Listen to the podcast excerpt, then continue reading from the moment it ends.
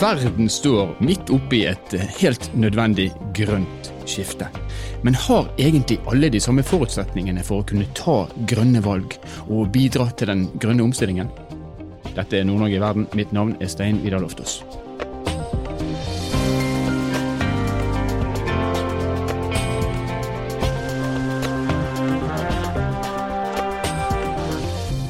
Om litt skal vi snakke med Robert Ness, som er en av eh, forskerne bak et eh, prosjekt som har som mål å utvikle energi- og klimatiltak for lavinntektsgruppene i Norge. Men aller først, på Kunnskapsbanken, altså kbnn.no, finner du en artikkel om det grønne skiftet, og om det grønne skiftet faktisk bare er for de rike.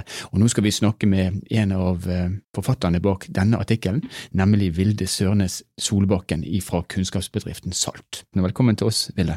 Takk for det. Hyggelig å være her. Du, dere har sett nærmere på, um, på, den forskningen som er gjort rundt grønn omstilling, og um, sett på ulike samfunnsklasser.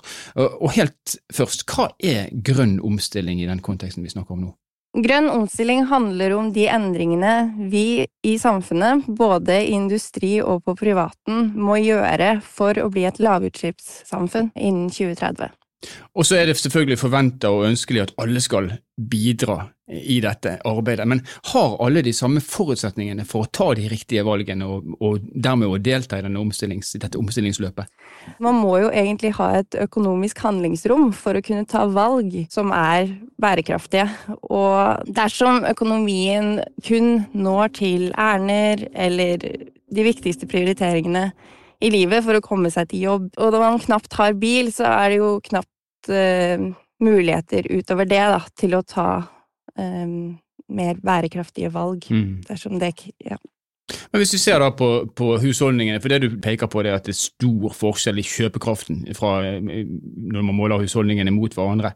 Og Det er jo da naturlig også å anta at de som har høyere inntekt, de forurenser mer enn de som har mindre inntekt. Hvor mye mer, kan man si noe om det? Hvor mye mer, eh, hvor mye større er klimafotavtrykket til eh, de husholdningene som har høy inntekt, hvis du sammenligner med, med lavinntektsfamilier? Den rapporten vi har tatt utgangspunkt i fra Framtiden i våre hender, så har de husholdningene med aller høyest inntekt nesten dobbelt så høyt som gjennomsnittet av alle husholdninger, og over fire ganger så mye som lavinntektsbefolkningen. Og så er det etablert en rekke støtteordninger for å hjelpe oss med å ta skritt inn i, i lavutslippssamfunnet. Hvis dere ser på de støtteordningene, eh, hva er det slags ordninger som treffer de med høy inntekt, og hva er det som, eh, som treffer de med, med lavere inntekt? Spesielt da, så kan vi jo tenke på eh, mobilitet og hvordan vi bor, som er hvordan vi slipper ut mest eh, i Norge. Og nå er elbilinsentivene og Enova det er to støtteordninger som er høyt prioritert, fordi det er der vi slipper ut mye. Men det forutsetter at man har råd til å kjøpe en elbil i utgangspunktet, så man kan kjøre veldig billig rundt i byene. Så elbilinsentiver, det forutsetter at man har penger i utgangspunktet til å kjøpe elbil, og det samme med utbedringer av boliger for at det skal bli lavutslippsboliger. For da krever det jo det at man har en egen bolig, eh, noe som lavinntektsbefolkningen gjerne ikke har. Så kan man snu på det, så kan man selvfølgelig si, eh, som du sjøl var inne på, at, at husstander med høy inntekt har et eh, høyt potensial. Og hvis man da har ordninger som, som treffer disse, så er det bra. Men er det slik å forstå da at man ikke har noen ordninger som hjelper de med lavere inntekt til å kutte sine utslipp? Eh, de som er høyest prioritert, er jo de som treffer de med høyest inntekt. Eh, og fordi det er der vi slipper ut mest. Så når personbiltransporten skal kuttes, så er jo det noe som faller veldig høyt opp på lista, da, og det samme med boliger. Så, og Enova skal jo i utgangspunktet treffe alle, men de som også eier boliger, da, så er det en del tiltak i boligen som Enova heller ikke støtter. Sist jeg sjekka, så støtta de ikke etterisolering, blant annet. Og det gjelder jo eldre boliger som kanskje trenger den slags for å slippe ut mindre. Så det er de hovedstøtteordningene som blir lista veldig høyt, da, som kan hjelpe å bidra veldig til den grønne omstillingen som de ikke kan delta på. Så man starter altså der potensialet er høyest, og det kan være fornuftig, det. Og så får vi se etter hvert om det også kommer tiltak som gjør det mulig for de med litt lavere inntekter og å delta i veien mot omstillingssamfunnet. Tusen takk for at du kunne være med oss, eh, Vilde Sørnes Solbakken fra kunnskapsbedriften Salt. Takk for at jeg fikk være med.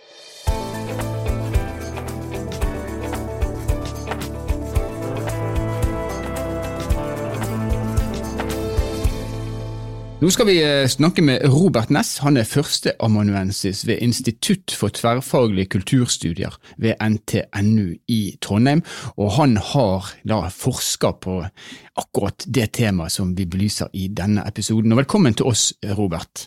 Ja, tusen takk. Du er en av forskerne bak eh, Cojust et forskningsprosjekt som eh, har som mål å utvikle energi- og klimatiltak med og for lavinntektsgrupper i Norge. Hvorfor er dette så viktig? Det er jo viktig for at vi ser jo at vi står overfor uh, store kriser fremover. Og det er Enten om det handler om eh, klimaendringer, eller miljøendringer eller sosiale ulikheter. og de her er ofte veldig tett kobla opp mot hverandre. Og det er veldig viktig at vi må ha flere tanker i hodet samtidig når vi tenker om det her, og hvordan de eh, kan løses sammen. Det er derfor viktig at vi får inn de her eh, lavinntektsgruppens stemme. Da. For at det sies jo i F.eks. i stortingsmelding 40 så sies det jo at, eh, at vi skal nå bærekraftsmålene innen 2030, og da må alle deler av samfunnet bidra. Enten om det er innbyggere, politikere eller andre. Og det stemmer jo også overens med EUs uh, mantra, f.eks. når de sier 'no one left behind'. Og Sånn sett så kan du jo si at uh, gulvestopprøret i Europa sant, har lagt liksom, litt sånn premisser for det her måten å tenke på. Da, at, uh, og det var jo Ofte er det jo snakk om at uh, det her var en reaksjon på høye drivstoffavgifter, men egentlig så var det jo et sosialt opprør. Og vi trenger legitimitet for, for, å gjøre samfunnsendringer og for å løse klima- og miljøkriser. Og hvis ikke hele bredden av befolkninga føler at de kan delta og har mulighet for å delta i samfunnsendringa, så får vi problemer med legitimiteten. Sånn som protester mot endring og omstilling. Altså. Så det er viktig å få med seg alle i denne eh, grønne omstillingsprosessen som vi står overfor nå. Mm. Men bare sånn at jeg forstår det, at eh, når du snakker om alle, eh, og du opererer også med ord som, som lavinntektshusholdninger, lavinntektsgrupper, hva er en lavinntektshusholdning når man ser det i en norsk kontekst? Ja, ja det, er en, det, det, det, er veldig variert eh, gruppe. er, det er ofte personer med lav inntekt som står utenfor arbeidsmarkedet. Men ikke alle. Det er også en, eh, en hel del deltid og yrker med lav lønn. Mm. Og de her er ofte enslige forsørgere, sosialhjelpsmottakere, de er uføretrygda, flyktninger, langtidsledige. Og eh, vi ser jo det at eh, lavinntekt har økt spesielt mye blant enslige forsørgere. Men mer sånn spesifikk, litt den her eh, definisjonen av eh, lavinntektsgruppa, det har vi etter Statistisk sentralbyrå, som opererer med etter EU-definisjon, der de setter 60% av medianinntekten etter skatt. Mm. Altså over tre år.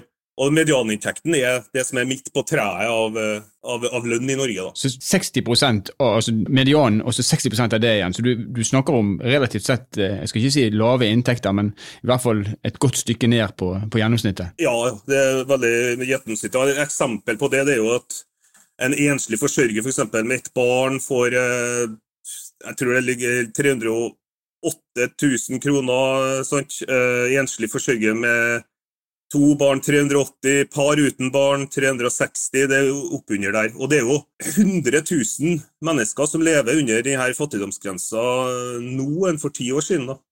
Og den øker jo. Og det som er spesielt, da, det er jo også at, at det er rundt 10-13% av Norges befolkning som tilhører i det her segmentet. Og det er jo én av ti du møter på gata, er innenfor lavinntektsgruppa. Og de her med lavinntekt de har også ofte har da dårlig helse og bor ofte alene og har mindre sosial kontakt med dem som er, dem med høyere eh, inntekt. Og eh, Jeg vet ikke om jeg har nevnt det, men 115 eh, 000 barn lever også i en lavinntektsfamilie. Så det her er, her er en ganske stor gruppe, mm. altså, er det, i, i Norge. Nå, nå, definerer du veldig godt hvem de er. Det er lett å se for seg hvem de er, og hva som da er tallene som preger denne her gruppen. her. Men når dere har kartlagt levekårene for disse lavinntektsgruppene, eh, det dere fant, var det noe som var spesielt overraskende? Ja, det var det også. For det første så syns vi at, uh, at det, det, var en gruppe som ikke det ble snakka noe mye om. Sant? Og at det var også en middelklassenarrativ, den, og den historien om middelklassen var så utrolig dominerende i denne grønne omstillingsdiskusjonen. Og at uh, lavinntekt ofte og i mange tilfeller henger sammen med helseutfordringer, og, og, at vi alle kan fort havne i en sånn situasjon med lite penger, der vi blir syke og trenger, trenger penger og overføringer. Og, og så, det, var, det, var, interessant at uh, lavinntektsgruppa har uh, eh, utvikla også utrolig mange kloke og kreative strategier for å få hverdagen til å gå rundt. Det var, det var utrolig interessant å, å høre frem, også. Som også fører til lave utslipp. Mm. Eksempel som eh, de kaster ingenting, de bruker opp all maten. Eh, de har et sosialt nettverk som de deler informasjon om, hvor man får billig mat, klær, eh, og hvordan man skal frakte seg hit og dit. og Blant annet sånne ting som de kjøper stort når det er veldig billig på butikker, for å da klare å overleve gjennom måneden. Altså. Og lukking, ikke minst. Lukking av, av rom i hjemmet med gardiner for å spare på strømmen, for at eh, strømregninga har vært så høy da, og mm. er så høy. Så her gjør altså denne her gruppen en rekke klimatiltak der ikke klima eller eh, omstilling er det som er driveren, men, men mer økonomien.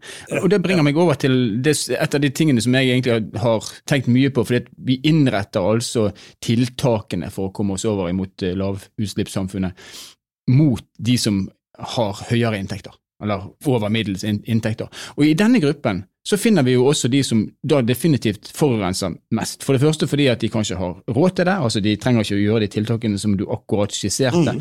men også fordi at man reiser mer, man har større biler, man har høyere forbruk. Er ikke det lurt da at man først og fremst retter inn tiltakene mot disse, og ikke mot de som da er på, eh, i den andre enden av, av inntektsskalaen?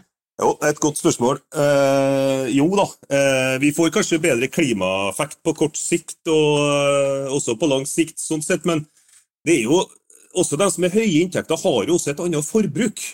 Mm. De har jo som du sier, de har jo et uh, annet type forbruk, så de kan bruke pengene som de eventuelt sparer på gjennom å energieffektivisere husene sine, uh, og gjennom å kjøpe seg elbiler og sånne ting, så kan de jo bruke også forbruket til andre ting, så i sum så, så kan det jo øke. da. Men også på, den andre siden så kan du si at hvis klimatiltakene som jeg sa i sted, mangler legitimitet, så kommer vi ingen vei. Vi må tenke økologi, vi må tenke sosial bærekraft i mye større grad sammen fremover. Altså. Og ikke minst, det her poengtet med sosial bærekraft er helt fundamentalt viktig i, i framtida. Og det er jo ikke sånn at vi skal slutte å jobbe med å redusere utslippene for de rike og middelklassen. Men det bør bli en jevnere og mer bærekraftig omfordeling. Det er jo sånn at De med lavinntekt de betaler jo en skatt og nettleie, dem òg. Men det er veldig få som får tilskudd fra Enova til oppgradering av hus, tilskudd for å kjøpe seg nye fornybare energiteknologier. Samme gjelder det med elbiler. Og, og, sånn sett så er de jo med på å finansiere de rike som middelklassens grønne omstillingsprosess, kan du si. Og de her lavinntektsgruppene de har jo like lyst på fisk og økologiske grønnsaker eller frihet til å forflytte seg som noen andre. Men du, du, har, du, har, studert dette og har sikkert gjort deg mange tanker om hvordan ting burde vært, og hvordan ordningene burde vært eh, satt opp og innretta. Hvordan mm. kan klimapolitikken og klimatiltakene legges bedre til rette, sånn at, at tiltakene også treffer lavinntektshusholdningene?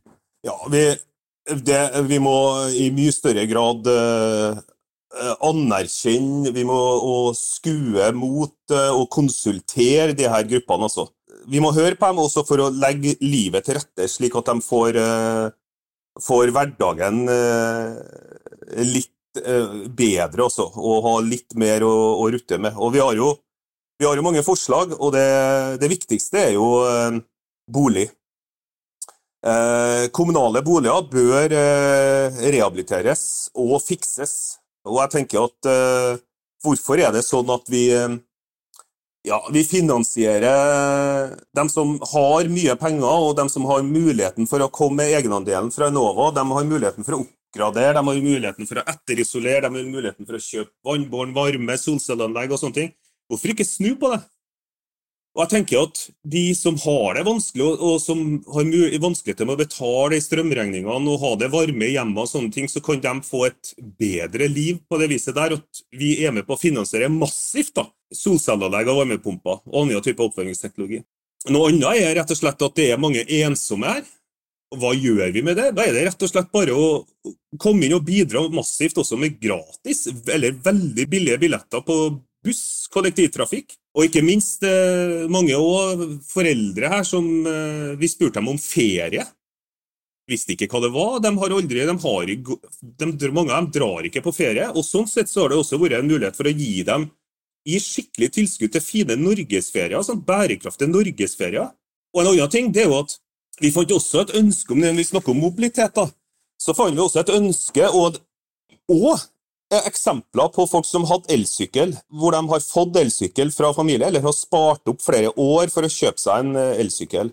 Og det, eh, forflytninga der, den var helt eh, utrolig, altså. For da behøver de ikke tenke på bussbilletter hvis de skal til lege, skal til familie, få et sosialt nettverk. Da er det egentlig bare å sette seg på sykkelen, så har man muligheten for å frakte seg fra A til B. Så det òg tenker jeg at istedenfor å finansiere det her, eh, sånn som de har gjort i Oslo og andre plasser. Det her finansierer 5000 kroner for uh, igjen da, middelklassen og de som har penger til å kjøpe en sykkel til 20 000-30 000. Så kan man også gi en aktiv, være mer aktiv støttende på de gruppene her.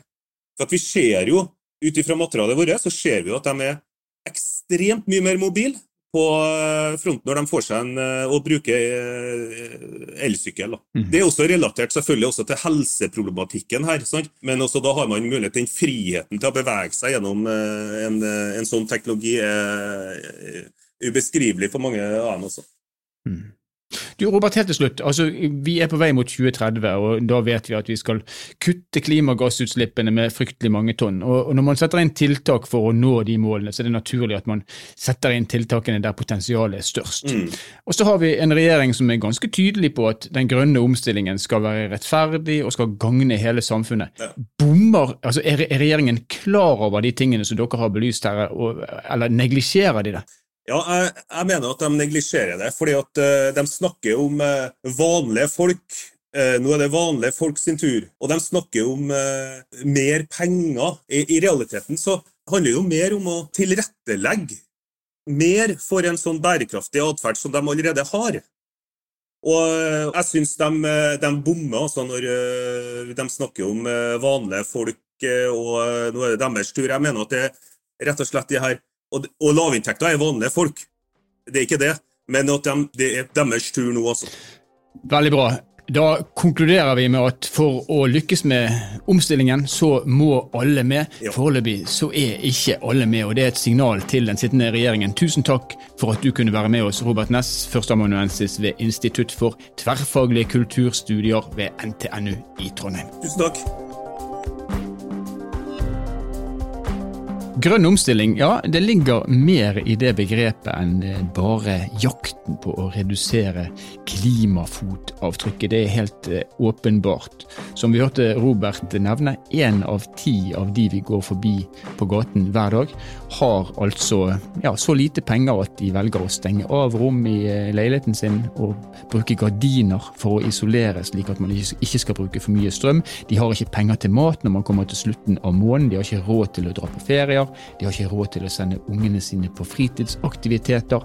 Allikevel så har vi en forventning om at også disse skal delta aktivt i ja, veien mot omstillingssamfunnet. Det er ikke like lett for alle, og da er det litt forstemmende å ja, se at faktisk styresmaktene våre kommer med tiltakspakker som ikke treffer disse. Det treffer bare de som har mer penger, og som egentlig, kanskje kan man si, fra før av har et litt skammelig høyt klimautslipp eller klimafotavtrykk.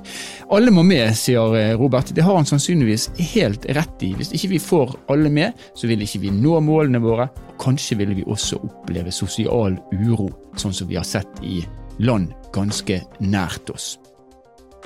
Nord-Norge i verden er en podkastserie som er laget av Sparebank1 Nord-Norge i samarbeid med Helt Digital. Musikken du har hørt er laget av Emil Karlsen. Mitt navn er Stein Vidar Loftaas. Vi høres igjen i neste episode.